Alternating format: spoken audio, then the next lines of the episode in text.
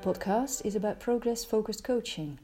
I'm Gwenda Schlundt Bodien, and Coert Visser and I developed the progress focused approach. We give training courses in progress focused leadership and progress focused coaching, and we write articles and books. In our approach, we distinguish between four progress focused roles. One of those roles is progress focused helping. And in this role, you merely ask questions which help your conversation partner to get a clear idea of what he wants to achieve and of what works for him to achieve it. So you help your conversation partner to put into words what the desired situation looks like to him, and he also formulates ideas for steps forward. You have no goals of yourself, except for helping your conversation partner, and you don't have any judgments or opinions regarding what your conversation partner should or shouldn't do. In this role of progress focused helping, you can use the CPW 7 steps approach, which is a simple structure which you can use when you want to help someone in a progress focused way. CPW stands for Center Progress Focused Work. The seven steps are the following Step 1 Asking what would be useful to your conversation partner to talk about. Step 2 Clarifying the desire for improvement. Step 3 Defining the desired progress. Step 4 Determining the achieved progress. Step 5 Analyzing progress in the past. Step 6 Choosing one step forward and step 7 asking if the conversation has been useful to your conversation partner. I'll briefly explain a little bit about each of the seven steps. Step 1 Asking what would be useful to your conversation partner to talk about. The conversation starts with what we call the usefulness question. What would your conversation partner like to talk about so that the conversation is useful to him?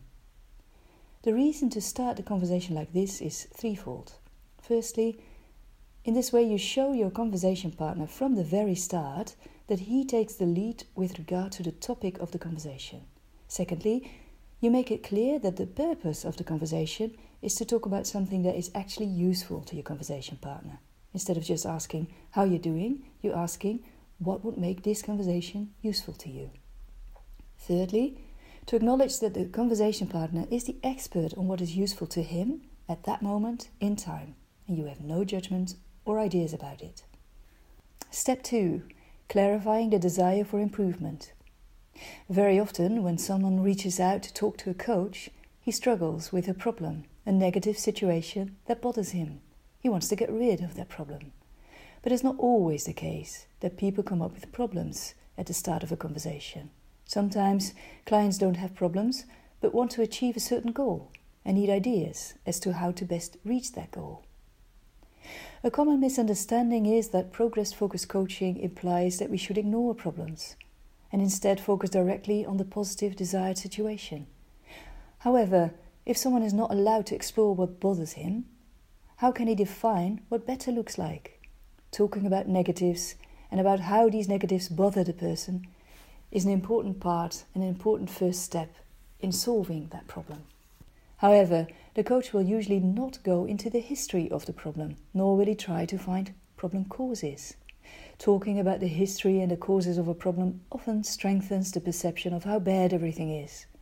Instead, the progress focused coach asks what the problem is and how the problem bothers the client. Step 3 Defining the desired progress. What does better look like? What does the conversation partner want instead of the current situation? Answering the desired progress question helps the client to give a detailed and vivid description of progress in the future. As soon as the client starts describing his own positive behavior in this desired future, he starts to feel more competent and positive. The desired future is appealing to him. When people have a vivid picture of their own positive behavior, they feel like they can actually behave that way. It feels as if they're already doing it. That makes them more willing to start behaving that way. Of course, conversation partners don't always immediately give answers in terms of their own positive behaviors. When asked what they want to achieve, they sometimes tell you what they don't want anymore. Their answer starts with describing the negatives they want to get rid of. And then they proceed to tell you the exact means which they need to get rid of the negatives. This usually involves somebody else doing something different.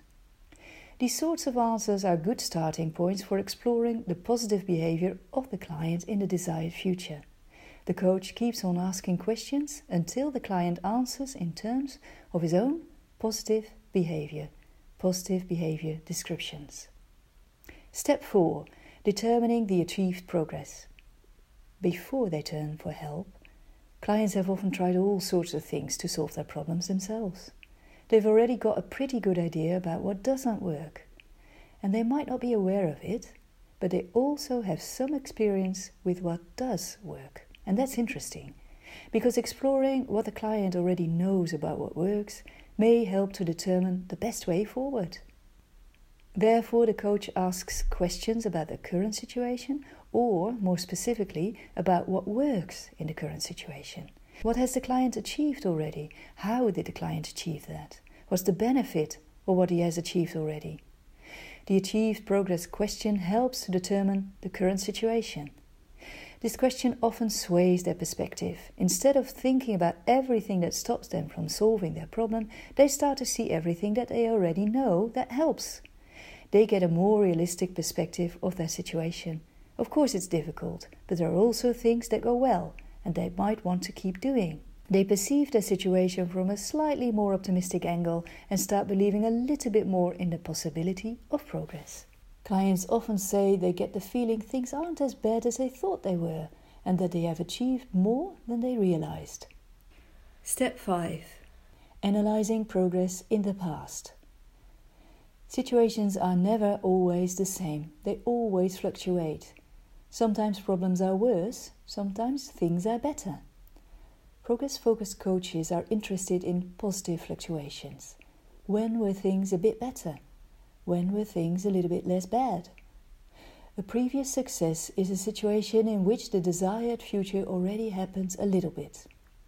A positive exception to a problem is a situation in which the problem would normally have happened, but for some reason didn't. Step 5 focuses on understanding what worked in the past. The coach asks detailed questions about this successful past. What did the client do that worked? Step 6 Choosing one step forward. In step 6, the coach helps the client to put these ideas into words. This step focuses on a small step forward towards the desired situation. It's best advised to take it slowly and to, metaphorically, help the client cross a bridge of progress in three steps if, what, and how. If, is there anything useful to you in what we spoke about so far? What, if so, what is most useful to you? And then how? How can you use what you find most useful? And this is the bridge of progress. On one side of the bridge, there's the successful past, on the other side, there's the successful future. The bridge of progress is paved with ideas, ideas and thoughts that the client gets during the conversation. Everything that the client puts into words himself is more valuable to him. That's why it's important to ask the client open questions, which help him to define his next step forward.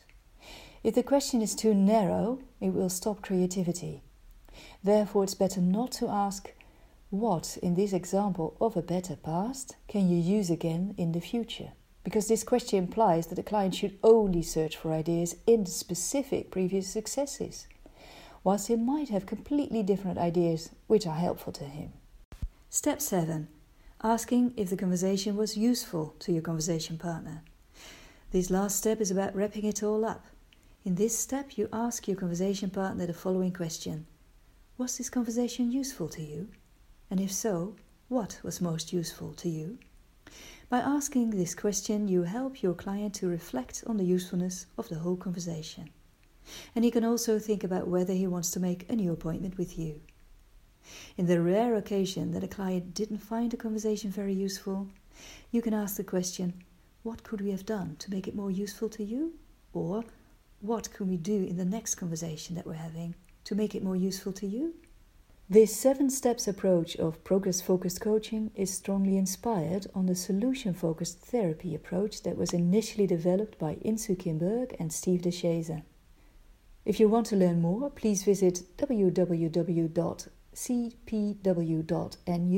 or read one of our books, for example, the book Creating Progress.